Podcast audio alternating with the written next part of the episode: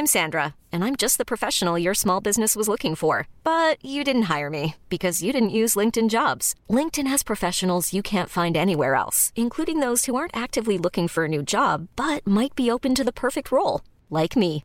In a given month, over 70% of LinkedIn users don't visit other leading job sites. So if you're not looking on LinkedIn, you'll miss out on great candidates like Sandra. Start hiring professionals like a professional. Post your free job on linkedin.com/achieve today. There's never been a faster or easier way to start your weight loss journey than with PlushCare. PlushCare accepts most insurance plans and gives you online access to board-certified physicians who can prescribe FDA-approved weight loss medications like Wigovi and Zepbound for those who qualify. Take charge of your health and speak with a board-certified physician about a weight loss plan that's right for you. Get started today at plushcare.com slash weight loss. That's plushcare.com slash weight loss. plushcare.com slash weight loss. Hey, it's Ryan Reynolds, and I'm here with Keith, co star of my upcoming film, If, only in theaters, May 17th. Do you want to tell people the big news? All right, I'll do. Sign up now and you'll get unlimited for $15 a month in six months of Paramount Plus Essential Plan on us. Mintmobile.com slash switch. Upfront payment of $45 equivalent to $15 per month. Unlimited over 40 gigabytes per month. Face lower speeds. Videos at 480p. Active Mint customers by 531.24 get six months of Paramount Plus Essential Plan. Auto renews after six months. Offer ends May 31st, 2024. Separate Paramount Plus registration required. Terms and conditions apply if rated PG.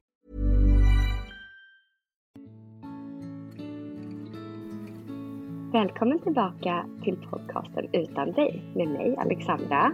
Och med mig Emelie.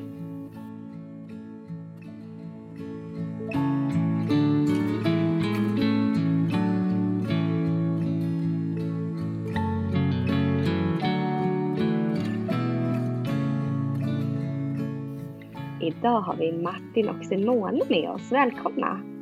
Tack så mycket. Tackar, tackar. Ni är föräldrar till tre barn.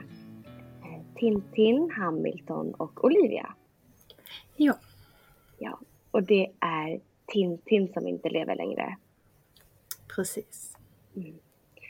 Och jag tänker att ni ska få börja berätta själva eh, vad som hände och sådär. Så kommer vi flika in med lite frågor och så. Det är väl egentligen att börja från den 11 juni Mm. 2020. Hamilton och Tintin är tvillingpojkar. Eh, Så det var ju en eh, riskgraviditet i sig för att det var tvillingar. Mm. Det har varit en smärtfri graviditet.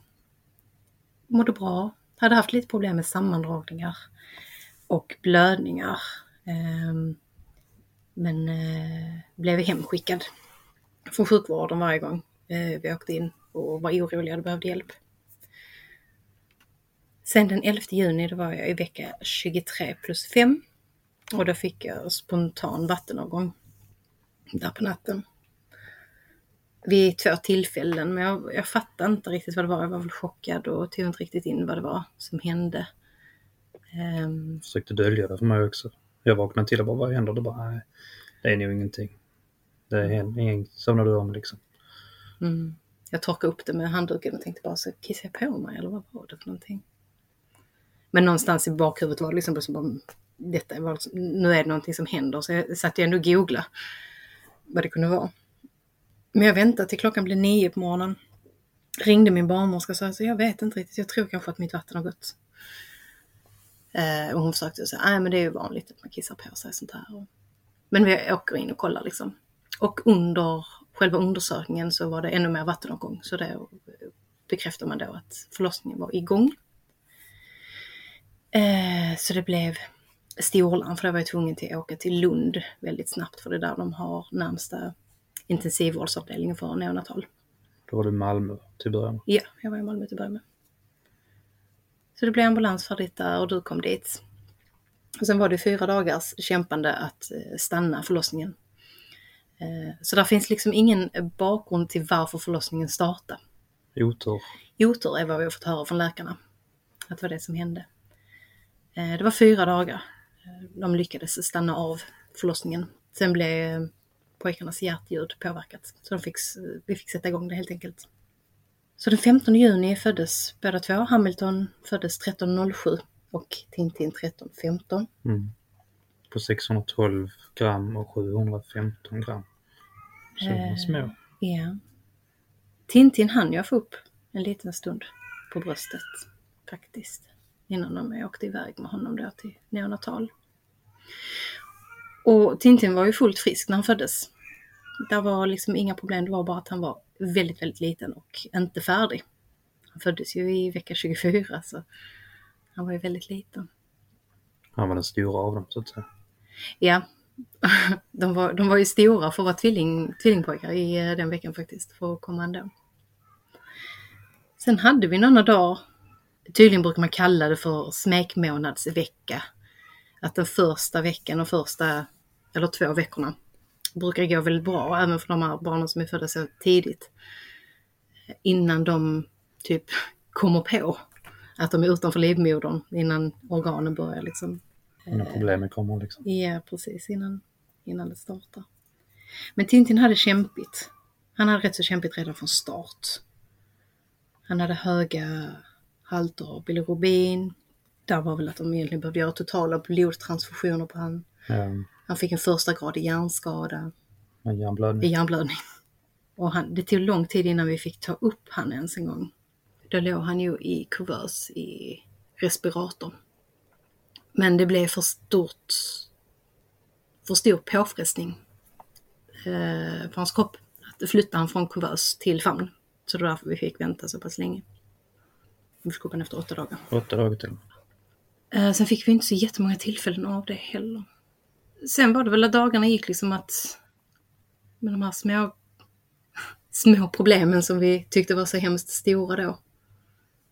Med hjärnblödning och höga halter. Men sen var det väl efter ett par veckor han började få ont i magen. Och man inte kunde riktigt se varför. Och det var ju då kirurger var nere och klämde och höll på liksom. Och de, de visste inte riktigt vad det var. De ville helst inte operera ju eftersom han är så otroligt liten. Ja, så pass att som magen blev lite mer spänd, lite kärlbildning. Han, hade, han var obekväm med någonting men Tintin han var liksom Hamilton märkte vi för han fick också problem med magen. Han var mer sprallig och visade att det var någonting som faktiskt höll på att hända men Tintin var liksom sträckt upp en hand. Sen Han var så- väldigt stilla. han, var, han var stilla ändå liksom. Ja, han var jättelugn. Gjorde inte så mycket väsen av sig. Väldigt olika var de. Ja. Otroligt olika. Men det, det blev ju en um, akut operation. Bukoperation då, för de behövde kolla vad- det var. De visste inte riktigt vad det var, så det var att man fick öppna in och titta vad som hände. Ehm, och då hade mekoniumet fastnat, alltså det här allra första barnbajset.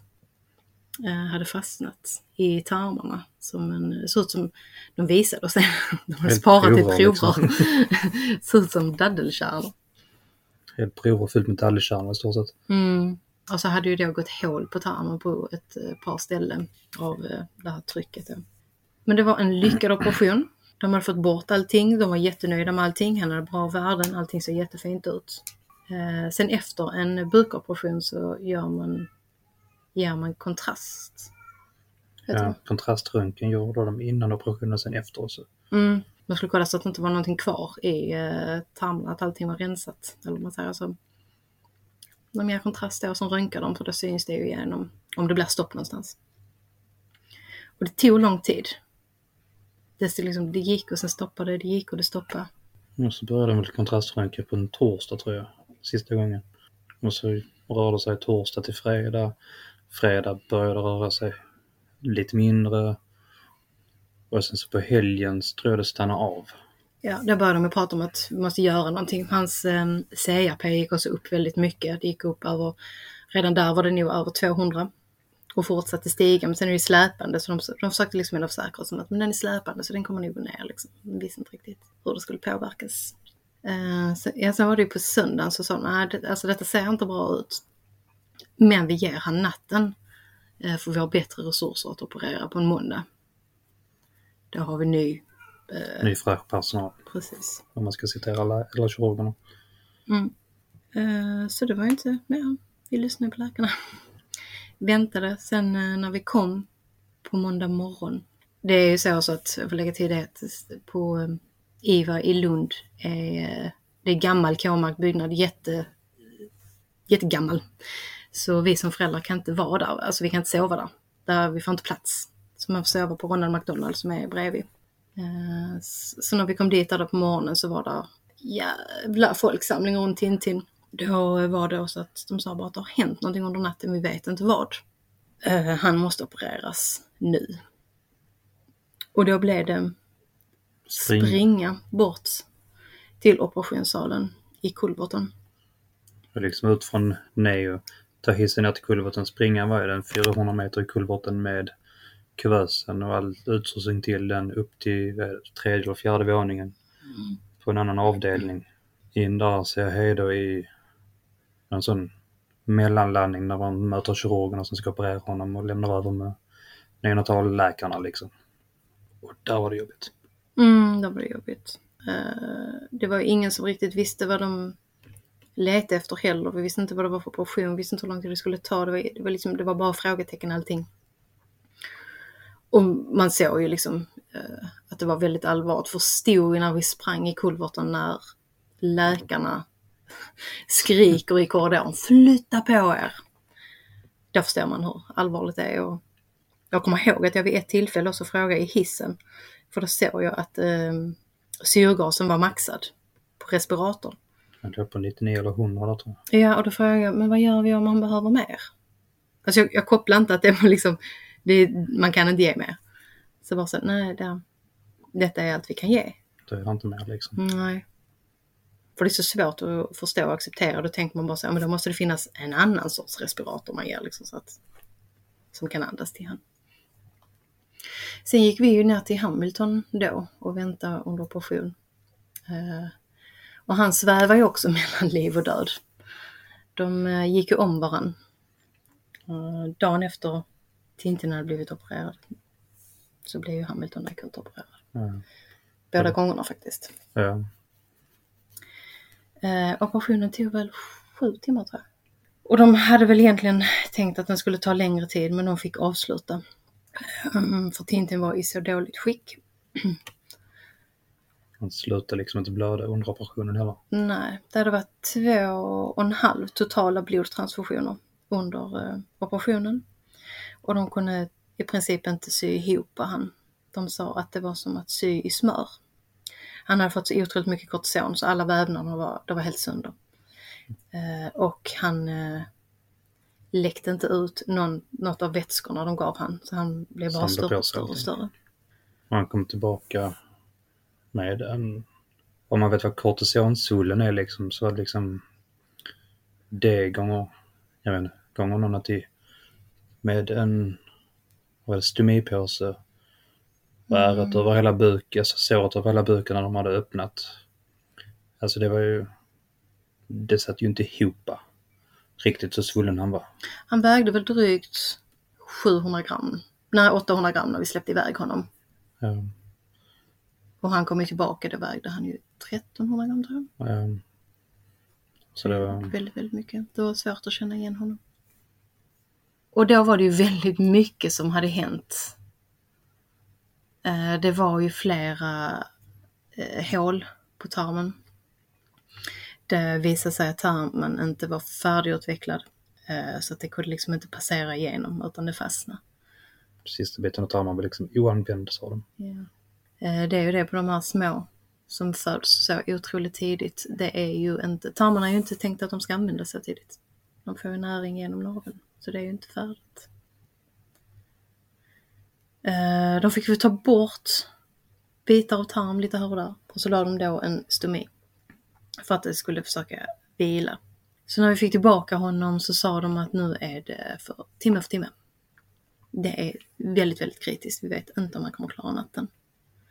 Jag tror Ja. du började sova där inne då också. Ja, då gjorde de så. Personalen var faktiskt, där, där gjorde de en stor insats. Vi hade det, där är bara ett tvillingrum. Och vi hade det, fast det var, det var fler tvillingpar på avdelningen. Just det. Men det gjordes så att de kunde sätta in två sängar så att vi kunde vara där. Ändå. Och de var ju väldigt så, i och med att vi hade två stycken, så ni måste ändå försöka vila. Så vi sökte det. Och det var någonting, alltså han, när han klarade den natten så var i alla fall jag helt övertygad om att nu har vi kommit över tröskeln. Han kommer klara detta, han klarar den natten liksom. Så de första två, tre dagarna så kändes det ändå som att det var lovande på något vänster. Så att nu händer detta, han kissar, han stomin verkar funka. Mm. Redan två dagar efter operationen så kom det ju någon eh, sjuksköterska där ju från mag och tarmspecialist som skulle, så vi skulle lära oss hur man skötte hans stomi och då började de prata om hur man ska göra det och när vi kommer hem hur det kommer att se ut. Och, Någon framtidstro liksom. mm. och att det väntar ju då såklart en operation till för att få ner stomin och de hade fixat ljumskbråck och det skulle fixas igen för det hade gått upp för att han var så svullen. Och... Så det var mycket där. Och sen efter någon dag blev det att men då går vi ju från halvdag till halvdag, nu är det inte timme för timme längre. Och sen var det i, ja men det var i tio dagar. Mm. Eller nio dagar då, som det var fram och tillbaka, fram och tillbaka. Så hade vi då eh, läkarsamtal klockan nio på morgonen som vi alltid gör. Mm. Och det var ju samma läkare då som hade förlöst Fått med där liksom. Ja, som förlöst. Som sa att eh, nu, nu börjar det se riktigt bra ut. Det enda är nu att vi ska ha igång han till att kissa. Men det, Han har fått allting han kan få för att det ska gå liksom. Ja. och jag kommer ihåg fått- att fråga oss bara, men vad händer om han inte kissar? Så sa de alltså, men vi kan inte se någon anledning till att han inte kommer göra det. Så nu måste ni gå ut ifrån avdelningen. För då hade vi i princip varit där i tio dygn. Eh, och kom ihåg att typ, så ni, ni, eh, efter detta här så ni behöver åka på spa. Och man tänkte, säger ni det till folk som... Är det fler föräldrar som får det förslaget? Men, Men så vi, eh, vi satt hos pojkarna hela dagen. Sen var det framåt eftermiddagen på kvällen. Vi bara sa okej, men vi, vi går ut och tar lite luft.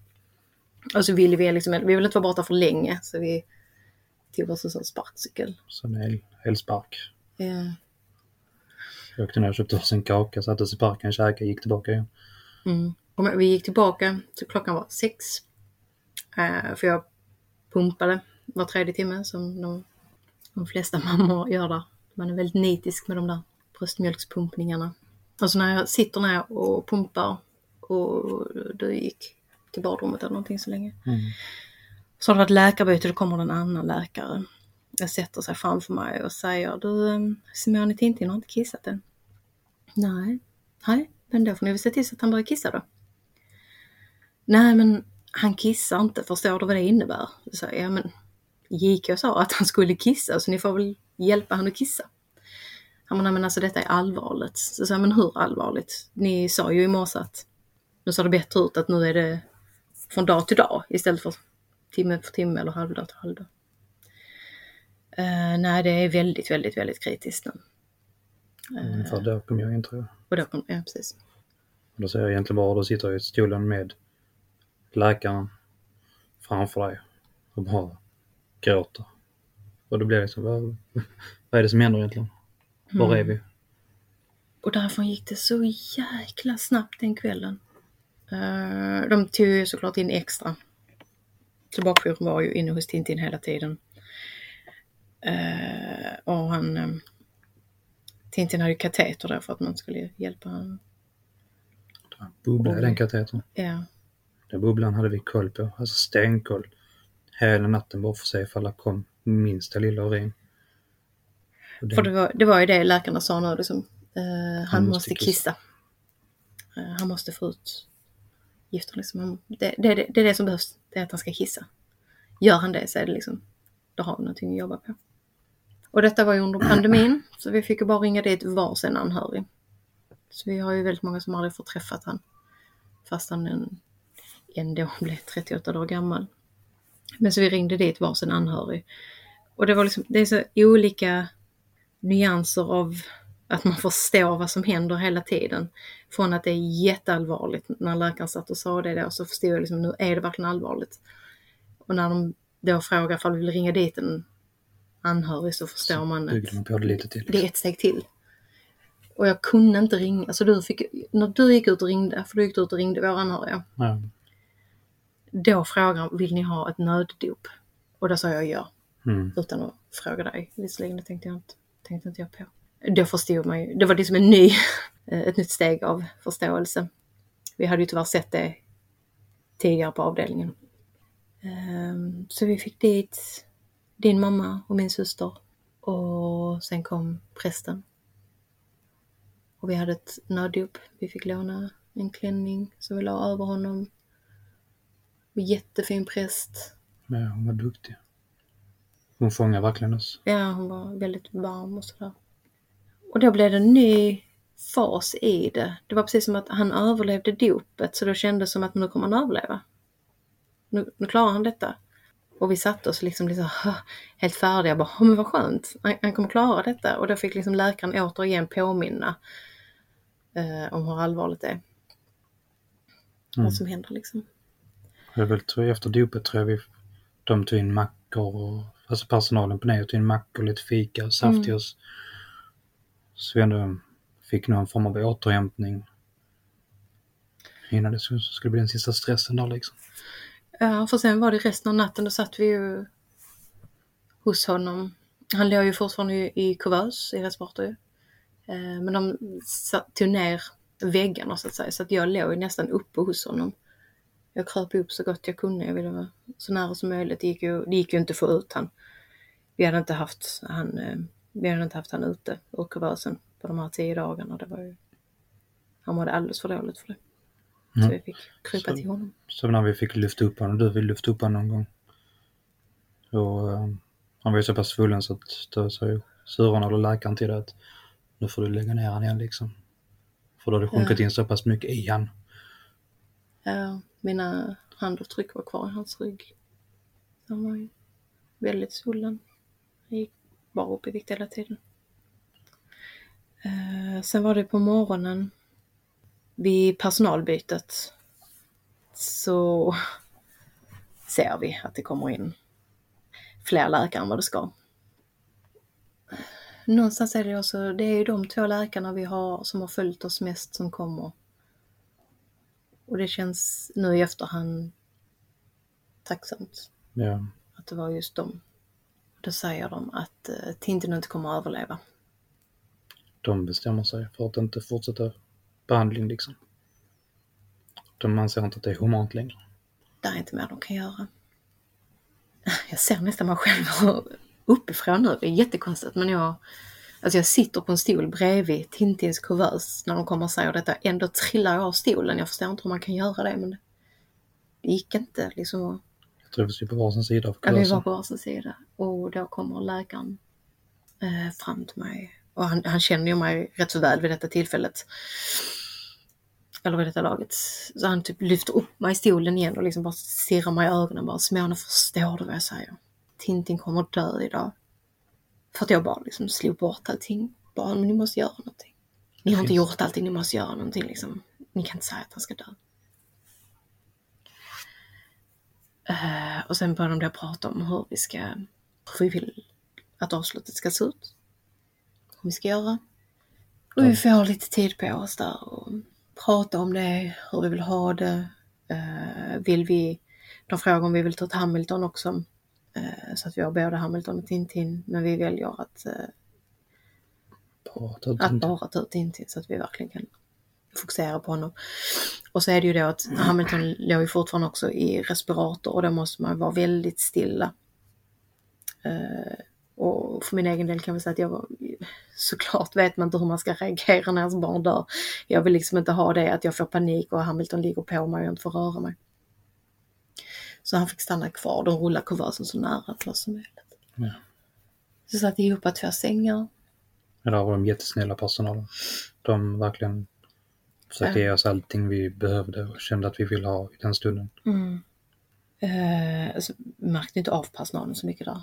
Men, Det var, det var liksom vi. Eh, och så fick de lyfta Tintin till oss. För han var, han var för svag för att vi själva skulle ta han. Och både jag och Martin ville ha sista stunden med Tintin. Så det enda sättet vi kunde komma fram till vad som var mest rättvist och komma fram till vem som skulle ha det var att vi singlade slant. vilket är helt mobbigt efter, alltså efter, när man tänker tillbaka på det. Vi singlade slanten men som skulle skälla vårt barn när han dör. Men med det så kan ingen skylla på den andra av någonting. Nej. Så, och du vann, om man säger så. Ja. Så jag fick börja ha Tintin hos mig. Eh, uppe på bröstet då. Jag tror ändå jag hade han en timme. Det var mer än så. Det var två. Mm, det var kanske två timmar för sen var det, ja, jag hade väldigt svårt. eh, de var på mig länge där, nu måste vi släppa över till Martin, nu måste vi släppa över till Martin och jag, jag ville verkligen inte det. Vem hade velat det liksom? Men eh, vi såg ju så på Tintin att han var på väg bort. Så jag fick ju lämna över honom till dig. Mm. Eh, Och sen eh, en stund efter det kommer de in och berättar att eh, jag berättade avslutet. det är tre steg vi kommer eh, göra nu för att du ska kunna somna in så smärtfritt och så lugnt som möjligt. Det är att eh, vi kommer höja smärtstillande så pass mycket så att han, han kommer inte känna av någonting. Det kommer bara testa lugnt. Och sen kommer vi eh, en stund senare sänka respiratorinställningarna. Så att det blir ett andetag. Alltså jättesakta. Sen efter det, steg tre, kommer de dra respiratorslangen. Så att de börjar, går ut en stund, kommer tillbaka, höjer inställningarna på eh, smärtstillande. Och eh, då vänder sig läkaren bort för att ta på sig ett förkläde. Under tiden han har gjort det så har en sjuksyrra ställt sig upp vid oss och eh, börjat pilla bort eh, respiratortejpen vid näsan. och eh, då tänkte vi liksom, ja men okej, det är väl bra att de förbereder det liksom så att det går fort sen. Men eh, För då är egentligen nästa steg att läkaren ska sänka respirator eh, så att det inte blir en chock ja, för Tintin att, alltså att inte luften ska dras ifrån han. men eh, när han går och ska ta på sig för plastförklädet då drar sjuksyrran tuben. Så de missar ett steg i uh, avslutningsprocessen så att säga. Hon, hon drar tuben för tidigt helt enkelt. Ja. Och där blir Vi får panik helt Ja, enkelt. det blir lite fel sätt att dra ett plåster på om man ska dra det så. Men det var, det var både ilska och ledsen och arg och det var, hela spektrat var nu fyllt där i. Sen är det såklart en situation som är fylld av det ändå. Ja, Men eh, vårt, eh, vår sista stund med Tintin blev, eh, det blev kaos. det blev kaos, det blev förödande. Jag kommer ihåg när hon drar typ, tuben, jag blir så chockad och så jag försöker, um, jag försöker pussa Liv i Tintin. Jag lutar mig över, för han är fortfarande kvar på ditt bröst, jag lutar mig över och bara pussar på honom och tänker liksom jag väcker han med min kärlek eller någonting. Liksom, jag, har inget annat jag kan ge han. Jag, han är liksom inte död än, tänker jag. Eh, sen får vi vara där en stund, i en halvtimme tror jag det. För då har de också sagt innan då att när det är så små barn så kan hjärtat börja falskt slå igen. Eh, så att man väntar en rätt så bra stund innan man eh, dödsförklarar det. Men eh, 13.45 1345. 13.45 blev han eh, Dödsförklarat. dödsförklarad. Då får jag över han igen. Ja, jag klarar inte av att Hade behövt gå ut och ta luft. skrika av mig. Vi har hanterat sorgen olika hela vägen. Hela tiden. Men eh, då börjar jag så smått tvätta av honom. Sen kommer du och hjälper till. Det är första gången vi får bada honom. Gjorde vi då, när han var död. Vi tog bort alla infarter, tog bort all tejp som var kvar, alla rester, allting. Gjorde han fin. Fixade lite med stomin. Uh, sen kom sjukhusfotografen. Fotade honom. Det, Sen, det reagerade eh, jag också på rätt starkt. Jag tyckte det var helt... Ja, det var heller ingen bra stund. Det var väldigt okänsligt. Hur han ville, hur han ville fota och han flyttade och arrangerade Tintin. Det var liksom bara ett objekt, det var inte en, ett barn längre. Men eh, sen satt jag väl kvar eh, med Tintin rätt så länge, en bra stund. Eh, Så sa de att nu behöver han in i kyla. Ett så litet barn också går lite snabbare för i processen. I och med att de är så outvecklade. Så vi fick lägga, till, lägga han i kylbädd. Ja. Sen i en vecka, i åtta dagar faktiskt, Fick vi plocka ut den en gång om dagen. plockade vi ut han tre timmar om dagen. Det var nog främst jag som behövde det. Då behövde jag byta kläder på honom lite då och då och eh, tvätta för blodet hade liksom, det hade inte slutat. Det hade inte koagulerat riktigt. Så det var liksom mitt sätt att ta hand om mitt barn. Jag gick runt i rummet. Vi böt rum direkt samma dag. Ja, vi kunde inte vara kvar i samma rum så vi fick rummet mitt emot i stort sett. Så jag var väl lite med Tintin i det rummet vi hade varit i då, det enda rummet han hade bott i liksom. Sen eh, efter åtta dagar så sa han att nu, nu måste vi, eh, nu måste han till bårhuset. Jag såg det väl egentligen då, men man ser det väl tydligare nu kanske att det var hög tid Men kroppen inte, hans kropp inte orkar vara ute. Och det var ju också ett fruktansvärt annat avslut. Då var det ju Hamilton var kvar på IVA. Vi visste fortfarande inte om Hamilton skulle överleva. Eh, så vi, vi stannade ju på, där ju såklart, på sjukhuset. Så den sista dagen fick vi låna en eh, barnvagn de hade där. Och så hade de då sagt till alla andra föräldrar, för vi bodde längst ner i korridoren. Hade de sagt till alla andra att liksom, ni får hålla er inne på rummet nu en stund. Eh, jag vet inte vad de hade sagt till dem, jag antar något sånt. Så fick vi rulla ut Tintin. Så han fick åka i en barnvagn som det var punka på.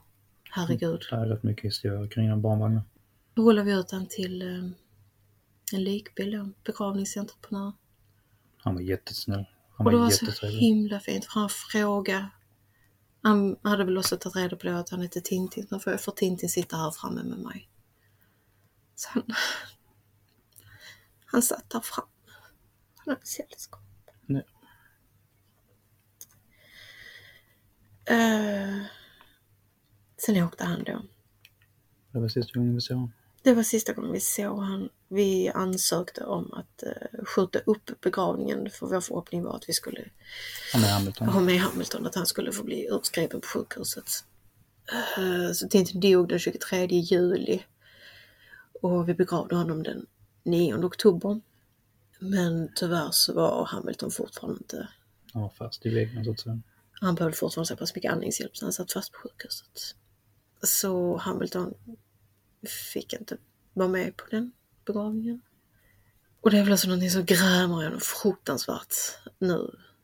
Eh, Just det här med valet också, att inte plocka ut Hamilton eh, vid eh, avskedet. Att de är tvillingar och de har aldrig någonsin rört vid varandra. Livet. 38 dagar. 38 dagar gammal. Och vi ville ju då att han skulle börja kissa för att njurarna skulle komma igång. Eh, men det gjorde de inte.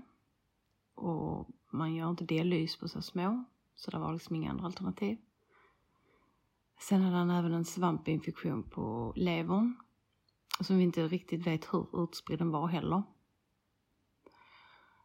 Tarmarna återhämtade aldrig sig, började inte jobba och det blev även en infektion kring stomin och vi vet inte heller hur långt in det var. Eh, han var i alldeles för dåligt skick för att läkarna skulle eh, kolla upp det. Han kunde inte klara av en operation till eller sådär. Och han hade levt på uh, föda, mat genom uh, intravenöst i, det måste varit innan andra operationen också så det var mer än tio dagar. Mm. Och det skulle bli men av det också i längden för han skulle behöva fortsätta på det även om han hade börjat kissa. Mm. Och han låg i respirator eh, hela, alla sina 38 dagar. Så lungorna var ju inte heller där. Han hade en extrem infektion. Hans eh, CRP låg på över 320. Så um, han dog av multiorgansvikt. Det var hans dödsorsak.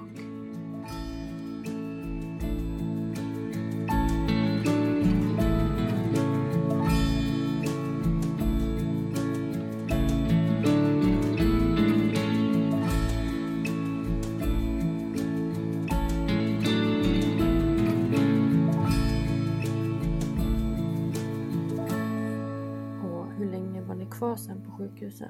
Jag tänker att ni berättade ju där att Hamilton också behövde vara kvar på sjukhus. Vi var kvar till eh, slutet av november. Ja, Jag tror jag åkte hem den 29 november. ja, så nästan två månader till efter begravningen. Eh, så, och det var ju fortsatt pandemi. Så det var ju väldigt isolerat att vi inte fick ta dit några anhöriga på, alltså när vi var med Hamilton heller. Så det har ju varit en utdragen, kanske framskjuten process också i sorg att hantera. Men när kände ni er liksom säkra på att Hamilton skulle klara sig? Det var nu när vi blev flyttade till en annan avdelning tror jag. Ja, det var väl ungefär två veckor efter att Tintin hade dött. Ja, Eh, då kom han ur respirator. Då fick han ha ligga i CPAP bland annat. ja. Men han fick ju en operation till senare också.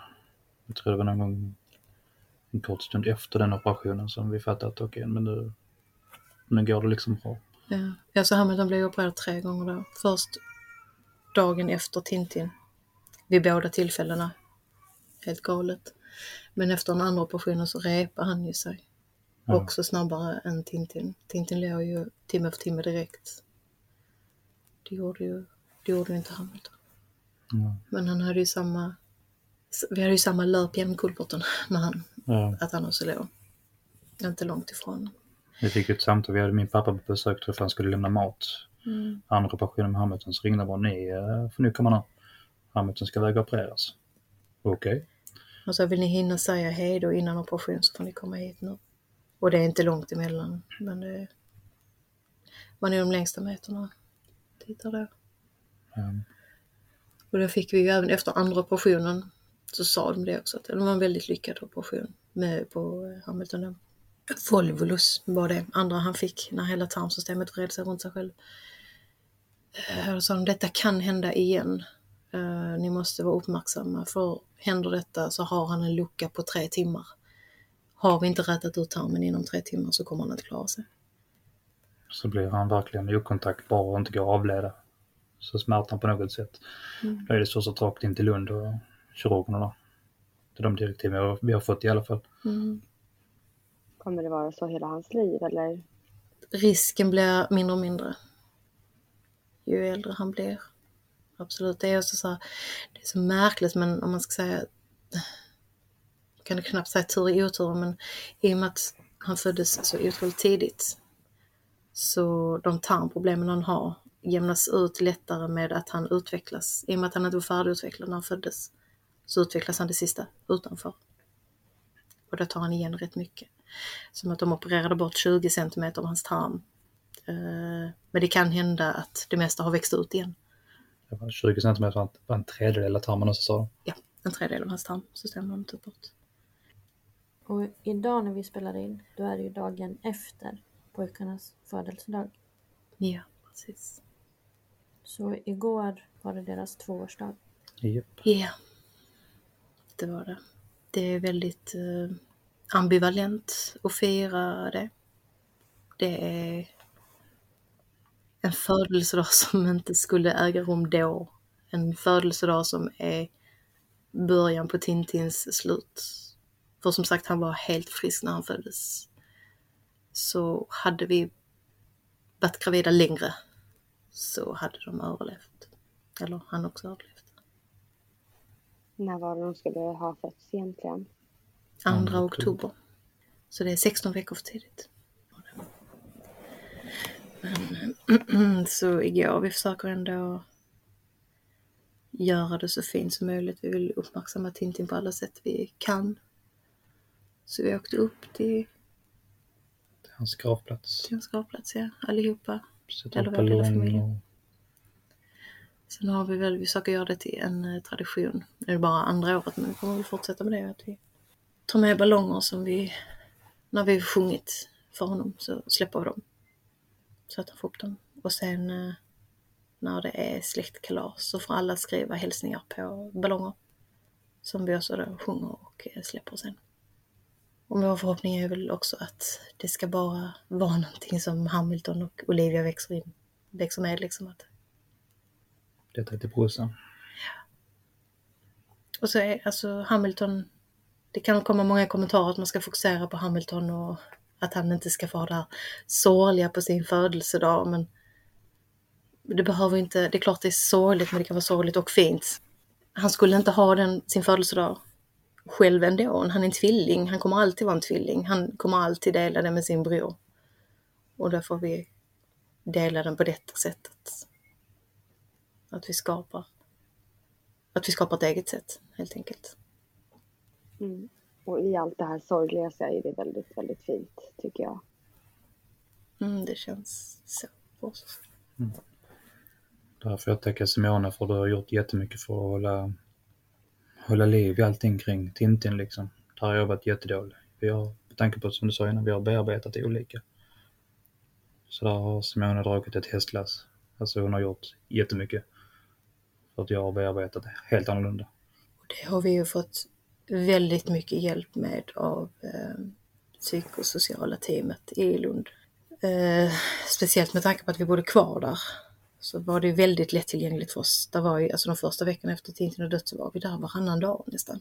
Varannan, var tredje dag kunde vi gå ner och prata med psykolog och få stöd. Det har varit en stor hjälp. Verkligen stor hjälp. Det har mm. hjälpt oss att hantera våra olika sätt att hantera sorg också på så gott vi har kunnat. Mm.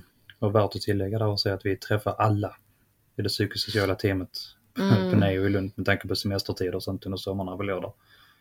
Så de som jobbar där, alla har vi suttit och pratat med. Mm. Även de som var jourberedskap när vi behövde det. Eller den som var i jourberedskap då. Mm. Den sista kontakten släppte vi någon gång före sommaren tror jag. Nej, eh, oktober faktiskt. Oktober, de eh, håller kvar till korrigerad födelsedag. Om man vill. Och det gjorde vi. Mm. På vilket sätt har ni sörjt olika? Simona behöver mer tid med Tintin. Så att säga. Du är mycket mer på begravplatsen än vad jag är. Mm. Du är mycket mer benägen om att prata om honom, nämna honom, lägga ut på honom. Väldigt mycket. Jag har ett väldigt stort behov av att uppmärksamma honom. Att jag känner väl också en stor del av att i och med att det var så otroligt få personer som träffar honom så vill jag att så många som möjligt ändå ska kunna göra det genom mina ord istället. Han var en otroligt fantastisk liten människa. Och jag vill att alla ska veta det. Mm. Men på vilket sätt har du, eller hur har du sörjt då Martin? Alltså, min första del av sorgen var ju ren ilska. Alltså jag ville ju, jag ville ju göra någonting mot vården, framförallt sjuksyrran som drog tuben. Jag insåg snabbt att jag kommer inte komma någonstans med det, det kommer inte ge mig någonting. Eller snabbt, snabbt till några veckor tror jag. Och sen så var det liksom, jag tror jag hade accepterat att Tintin inte skulle klara sig innan han gick bort så att säga. Så där hade jag, jag redan ställt in mig på att detta kommer nog hända. Jag vet inte om man kan kalla det försprång, det känns som helt fel ord. Det är enda jag kommer på. Att du hade det i din son menar du? Ja. Alltså jag accepterar ju inte hans död. Man accepterar väl aldrig sitt barns död. Gör man ju inte men... Jag accepterar att han är död. Mm. Jag var väl tvungen till att se han död flera gånger. Innan jag förstod att han inte kommer leva igen. Mm. Även om han var iskall.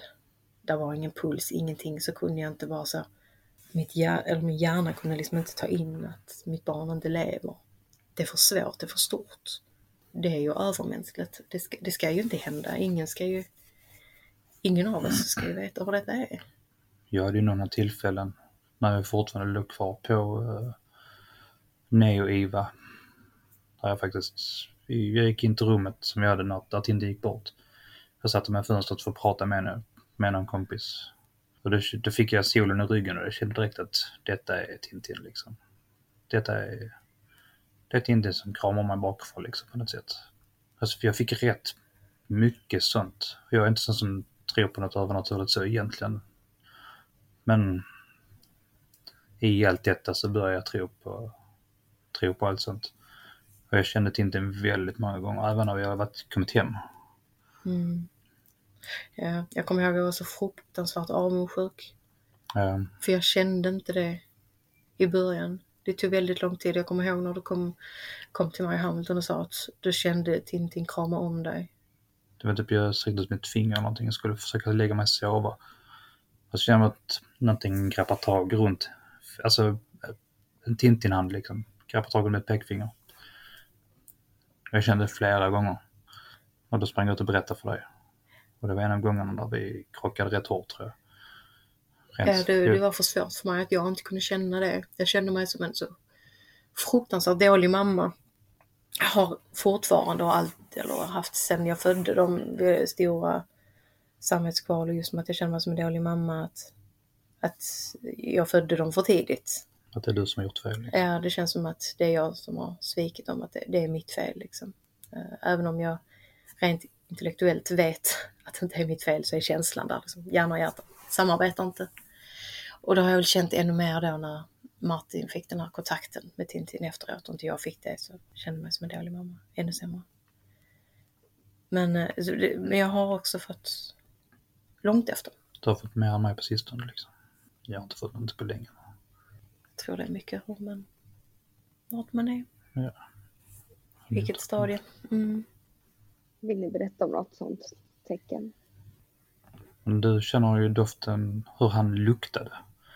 Det är typ syltgrottor. Han, ja, hallon, hallongrottor och syltkaka.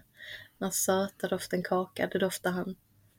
Ja. Och det, den är jättemysig doft. Ibland kommer den. Den kommer ofta när jag är eh, nervös eller stressad eller har hänt någonting så. Kan den komma. Det kan, eller det kan bara komma helt out of the blue också. Så det är en sån grej vi alltid har på födelsedag och kalas och sånt.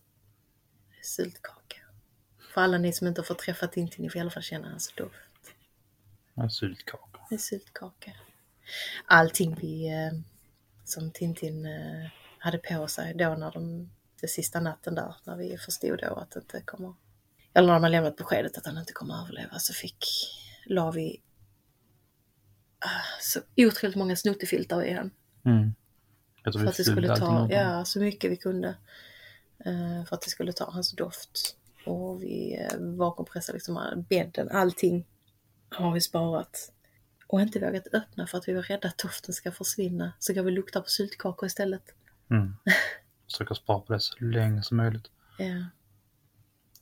Jag skrev ju dagbok till en till Tintin och en till Hamilton från dag ett. Min ambition var att jag skulle kunna öppna den dagboken och läsa lite inför idag, inför detta här, så att jag hade kunnat få en röd tråd på allting som hände. Men eh, jag förmådde mig inte att göra det tyvärr. Jag är inte riktigt där än. Jag har fortfarande inte skrivit ner det sista dygnet förrän heller. Eller där från 18.00. Men det kommer inom sin tid så ska jag skriva färdigt hans dagbok också. Då har vi också varit väldigt olika. Du har ju kunnat se på bilder från den här fotografen som kom in efter han har gått bort. Jag har inte kunnat se det på de bilderna. Jag har inte förmått mig att ens kunna fråga om att vi ska kunna se på dem tillsammans. Samma sak som jag har ett helt dokument i min telefon. Så jag delar upp ju Hamilton-bilder och Tintin-bilder för att kunna separera dem lättare. Och hela min Tintin-mapp den kunde inte jag ju kolla i förrän alltså det var långt. Nej, det var när vi hade kommit hem. Det var långt det efter var långt efter vi hade kommit hem faktiskt. Och det, det, det är ingenting som jag... Jag alltså, scrollar jag mina egna bilder så scrollar jag snabbt förbi den mappen för att jag orkar inte. Det är ingenting jag orkar ta just då. Så vi har ju suttit ner tillsammans två eller tre gånger tror jag. Ja. Kollat på Tintin tillsammans. För att jag ska orka kolla på Tintin. Mm. Och där behöver jag Simona. Jag klarar inte det själv.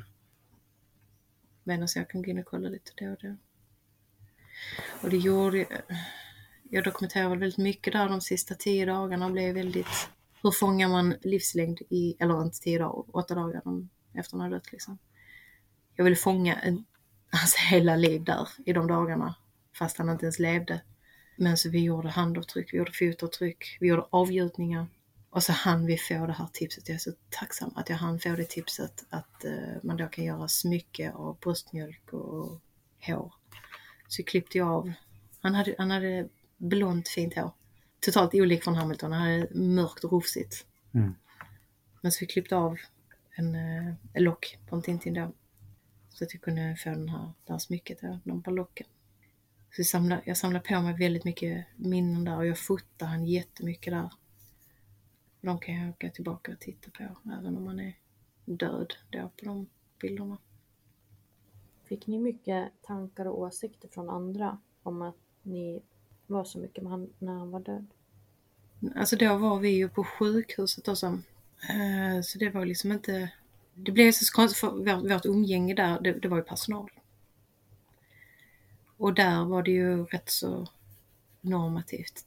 De var ju väldigt vana vid det. Det var ju så ett väldigt fint ögonblick för mig när jag sitter och håller i Tintin dagen efter eller två dagar efter han har dött. Och läkaren som då gav beskedet kommer fram och sätter sig liksom på huk framför mig och Tintin och klappar på honom och säger Gud vad fin han är. Han är så vacker Simone. Och det är, åh. Och precis vad jag ville höra. Han var så vacker. Så det var, det var väldigt, eh, vi fick bra bemötande på det där. Sen förstår jag också att det skiljer sig väldigt mycket med tanke på att vi var med sjukhuspersonal på IVA som tyvärr är vana eller erfarna med sådana här situationer. Det är inte många förutom de allra närmaste egentligen som vi har pratat med de här åtta dagarna om egentligen. Du har säkert nämnt det någonstans. Ja, jag har skrivit om det. Ja. Jag är rätt så öppen om vår resa på sociala medier också, just för att jag vill, jag vill berätta om Tintin. Ringa ljusspjut liksom. Ja. Jag kunde inte hålla i Tintin förrän kanske dag sex eller sju tror jag. Dag sju, Ja. dagen Ja. innan han skulle åka. För jag, jag klarade inte av det, han var kall. Alltså, jag vill inte hålla ett kyl, mitt barn hade kylskåpskallt. Alltså fryskallt, det, det kändes helt fel. Det är ju samma direkt efter han hade dött. Den, det första barnet jag tvättar i hela mitt liv, det är mitt döda barn. Det kändes också helt fel. Det är fel. Ja. Det ska inte vara så. Men jag är ändå tacksam att vi någonstans kunde mm, mötas där. Så att jag fick ha han de timmarna jag kunde. Och att du, du, du kunde välja om du var där eller inte. Och sen att du, du valde att ha han där sista, sista dagen. Jag hade ångrat det mer om jag inte hade gjort det liksom. Och då fick även Hamilton hålla hans hand. Mm, de höll ändå en stund. De höll handen en stund där faktiskt. Men i livet har de aldrig. Sen var det väl, tanken var väl att vi skulle få se honom en sista gång innan han begravdes. Men eh, eftersom låg 23 juli, 9 oktober, det är lång tid. Så begravningsentreprenören skickade till oss att han råder oss att inte titta. Så han fick lägga ner de sista grejerna i kistan till honom. Så jag och Tintin delar ett sånt hjärta, sånt halsbandhjärta och Hamilton och Tintin delar också ett. Han fick ner brev och grejer. brev från olika personer. Godnatts sagobok. Godnatts sagobok som vi läste varje kväll vid kuversen. Hamilton och Olivia nu också har ju en likadan filt som Tintin har med sig ner också. Han ligger i, i en egen liten pyjamas. Han var ju så liten så vi fick Specialsy. ja, en vän som kunde göra det lite snabbt. Väldigt tacksam för det. Så, så han fick en pyjamas som passade honom. Som var till honom. Vad fick I'm Sandra, and I'm just the professional your small business was looking for. But you didn't hire me because you didn't use LinkedIn jobs. LinkedIn has professionals you can't find anywhere else, including those who aren't actively looking for a new job but might be open to the perfect role, like me. In a given month, over 70% of LinkedIn users don't visit other leading job sites. So if you're not looking on LinkedIn, you'll miss out on great candidates like Sandra. Start hiring professionals like a professional. Post your free job on linkedin.com/achieve slash achieve today. There's never been a faster or easier way to start your weight loss journey than with PlushCare. PlushCare accepts most insurance plans and gives you online access to board-certified physicians who can prescribe FDA-approved weight loss medications like Wigovi and Zepbound for those who qualify. Take charge of your health and speak with a board-certified physician about a weight loss plan that's right for you. Get started today at plushcare.com slash weight loss. That's plushcare.com slash weight loss. plushcare.com slash weight loss. Jag funderar på om Hamilton, som nu har blivit två, pratar han mycket om Tintin? Eh, Hamilton kan inte prata alls än. Så det gör han inte. Men vi ser, vi har i bokhyllan bakom eh, matbordet så är det ett stort foto på ett på Hamilton och ett på Tintin. Och vid varje måltid, frukost, lunch och middag, då vänder sig Hamilton om och tittar och ler stort. Mm. Han, han, han pratar med Tintin. Det känns det. det Det gör han. Det kan vi se också ibland i babymonitorn. Alltså liksom hur han tittar någonstans och liksom pratar på sitt språk. ja, det är rätt fint. På något sätt så pratar de. Och jag tror någonstans att Olivia faktiskt också gör det redan. På något sätt så vet hon också. Nästan när man tittar ut i intet och börjar- gagga liksom från ingenstans och fokuserar liksom på något vänster. Ja. Jag tror ni Tintin har varit med där någonstans och plockat ut Olivia till oss på något vis. Jag är väl samma där som dig. Förr trodde jag inte heller på så här liv efter död eller jag trodde inte på någonting övernaturligt men Eh, allting ändrades när Tintin dog. Nu väljer jag att tro på det. Jag, jag vill det. Det måste vara så.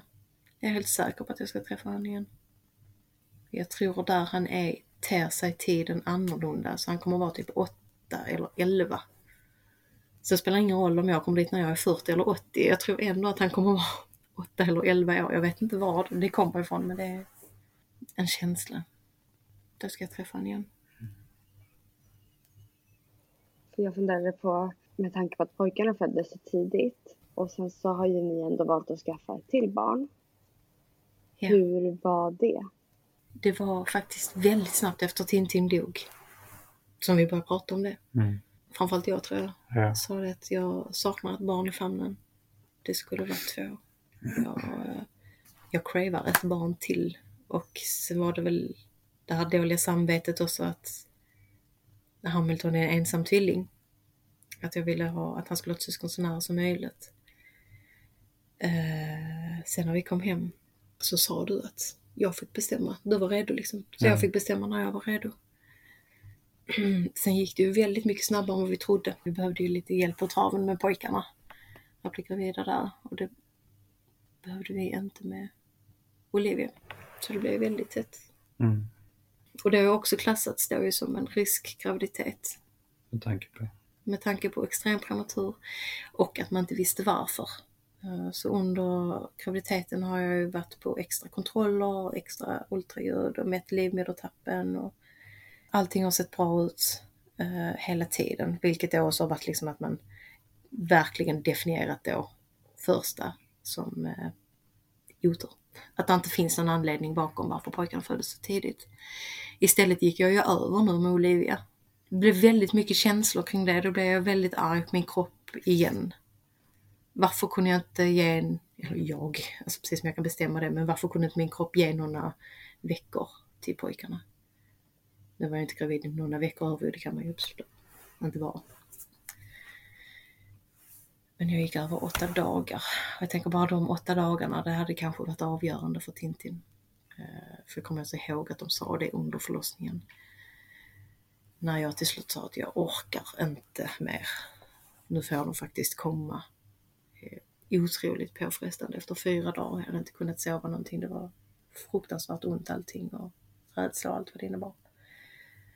Och då hade jag sån ångest över att jag hade sagt det. Nu får de bara komma. Precis som att jag hade framkallat det. Och så sa de då att varje timme är viktig. Alltså varje kvart är viktig för dem. Och då tänkte jag, de här åtta dagarna kunde jag ju gett. Då hade han kanske varit här. Så det är väl en resa kvar. Man blir väl aldrig riktigt, man blir väl aldrig riktigt färdig. Jag vill inte heller bli färdig. Sorgen är en del av det. Jag vill få bära min sorg också. När folk säger att de vill bära min sorg bara för en timme för att jag ska få vara fri från den. Så bara, nej men den är min. Ja, det är ju svårt det där. För det blir ju liksom på något sätt Tintin.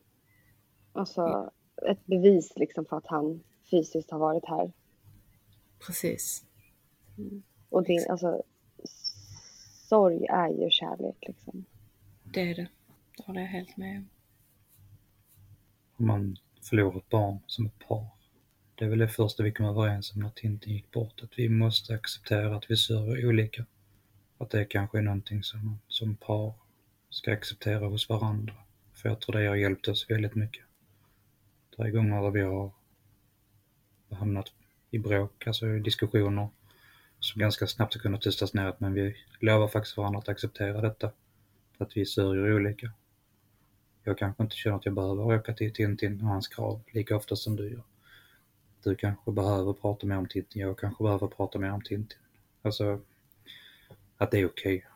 Vill den andra prata om Tintin, lyssna. Vill jag prata om Tintin, då, då förväntar man sig att den andra ska lyssna med tanke på att man har lovat varandra. Att man faktiskt är ödmjuk inför situationen, för det är en jobbig situation oavsett hur du sörjer den. Du ska inte behöva gå igenom det från första början. Men nu är man där, man sitter i det. Och du kommer inte ur det. Du kommer aldrig komma ur det. Vågorna kommer, de kommer komma olika hårt. Så att även om man inte accepterar eller har valt att acceptera att ens barn eller någonting har gått bort kan man i alla fall acceptera till varandra att det är okej. Okay. Hur den väljer att sörja detta, hur den behöver sörja detta, så är det okej. Okay. Det tror jag man kan komma långt på som par. Mm. Och att omgivningen förstår att det är en livslång sorg. Att den inte... Det går inte över. Det går inte över. Det försvinner inte. Vi sörjer det vi aldrig fick uppleva med dem också. Som varje framsteg i Hamilton är ett framsteg Tintin aldrig fick. Om man ska hårdra det liksom. Så vi vill ju att folk ska prata om Tintin också. Det kan man som fråga, undra, kolla Hamilton, undrar hur långt Tintin hade varit. Men just det här att det finns ofta en um, förutfattad mening att man inte, man ska inte prata om personen som har dött för att man är rädd att riva upp något sår. Jag tänker det... Såret är redan där. Ja, det är det ju. Och det går ju inte en dag utan att man tänker på sitt barn. Det går ju inte en timme, sekund. Det är ju där hela tiden. Snarare är det ju en bekräftelse. Om man får höra någonting om, om ens barn istället. Då blir det ju lite mer levande i det döda. Jättefint, jätteviktigt. Håller med allt som ni säger. Vad fint det var att få prata om honom. Så. Mm. Tack så mycket för det. Mm. Det har varit jättefint att få lyssna.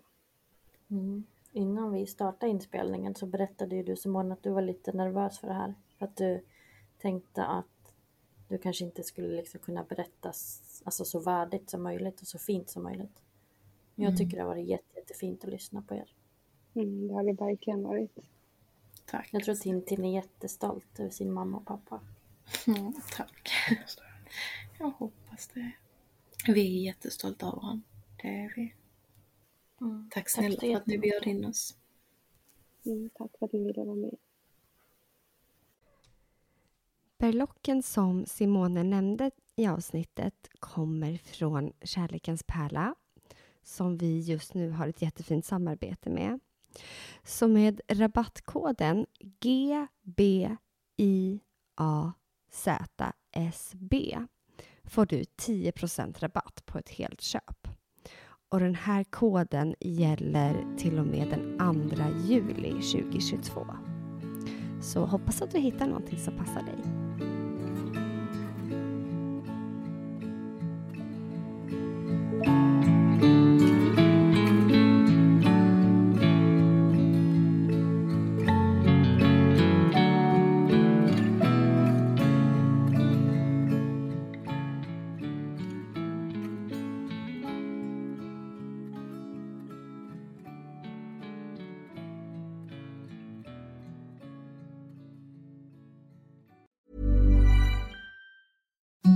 Imagine the softest sheets you've ever felt. Now imagine them getting even softer over time. That's what you'll feel with Bowl and Branch's organic cotton sheets. In a recent customer survey, 96% replied that Bowl and Branch sheets get softer with every wash. Start getting your best night's sleep in these sheets that get softer and softer for years to come. Try their sheets with a 30-night guarantee. Plus, get 15% off your first order at bowlandbranch.com. Code BUTTERY. Exclusions apply. See site for details.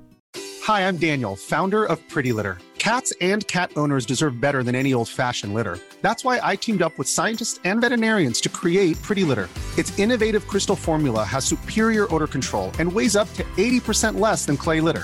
Pretty Litter even monitors health by changing colors to help detect early signs of potential illness. It's the world's smartest kitty litter. Go to prettylitter.com and use code ACAST for 20% off your first order and a free cat toy. Terms and conditions apply. See site for details. Hey, it's Paige DeSorbo from Giggly Squad. High quality fashion without the price tag? Say hello to Quince. I'm snagging high end essentials like cozy cashmere sweaters, sleek leather jackets, fine jewelry, and so much more. With Quince being 50 to 80% less than similar brands. And they partner with factories that prioritize safe, ethical, and responsible manufacturing. I love that. Luxury quality within reach. Go to quince.com slash style to get free shipping and 365 day returns on your next order. Quince.com slash style.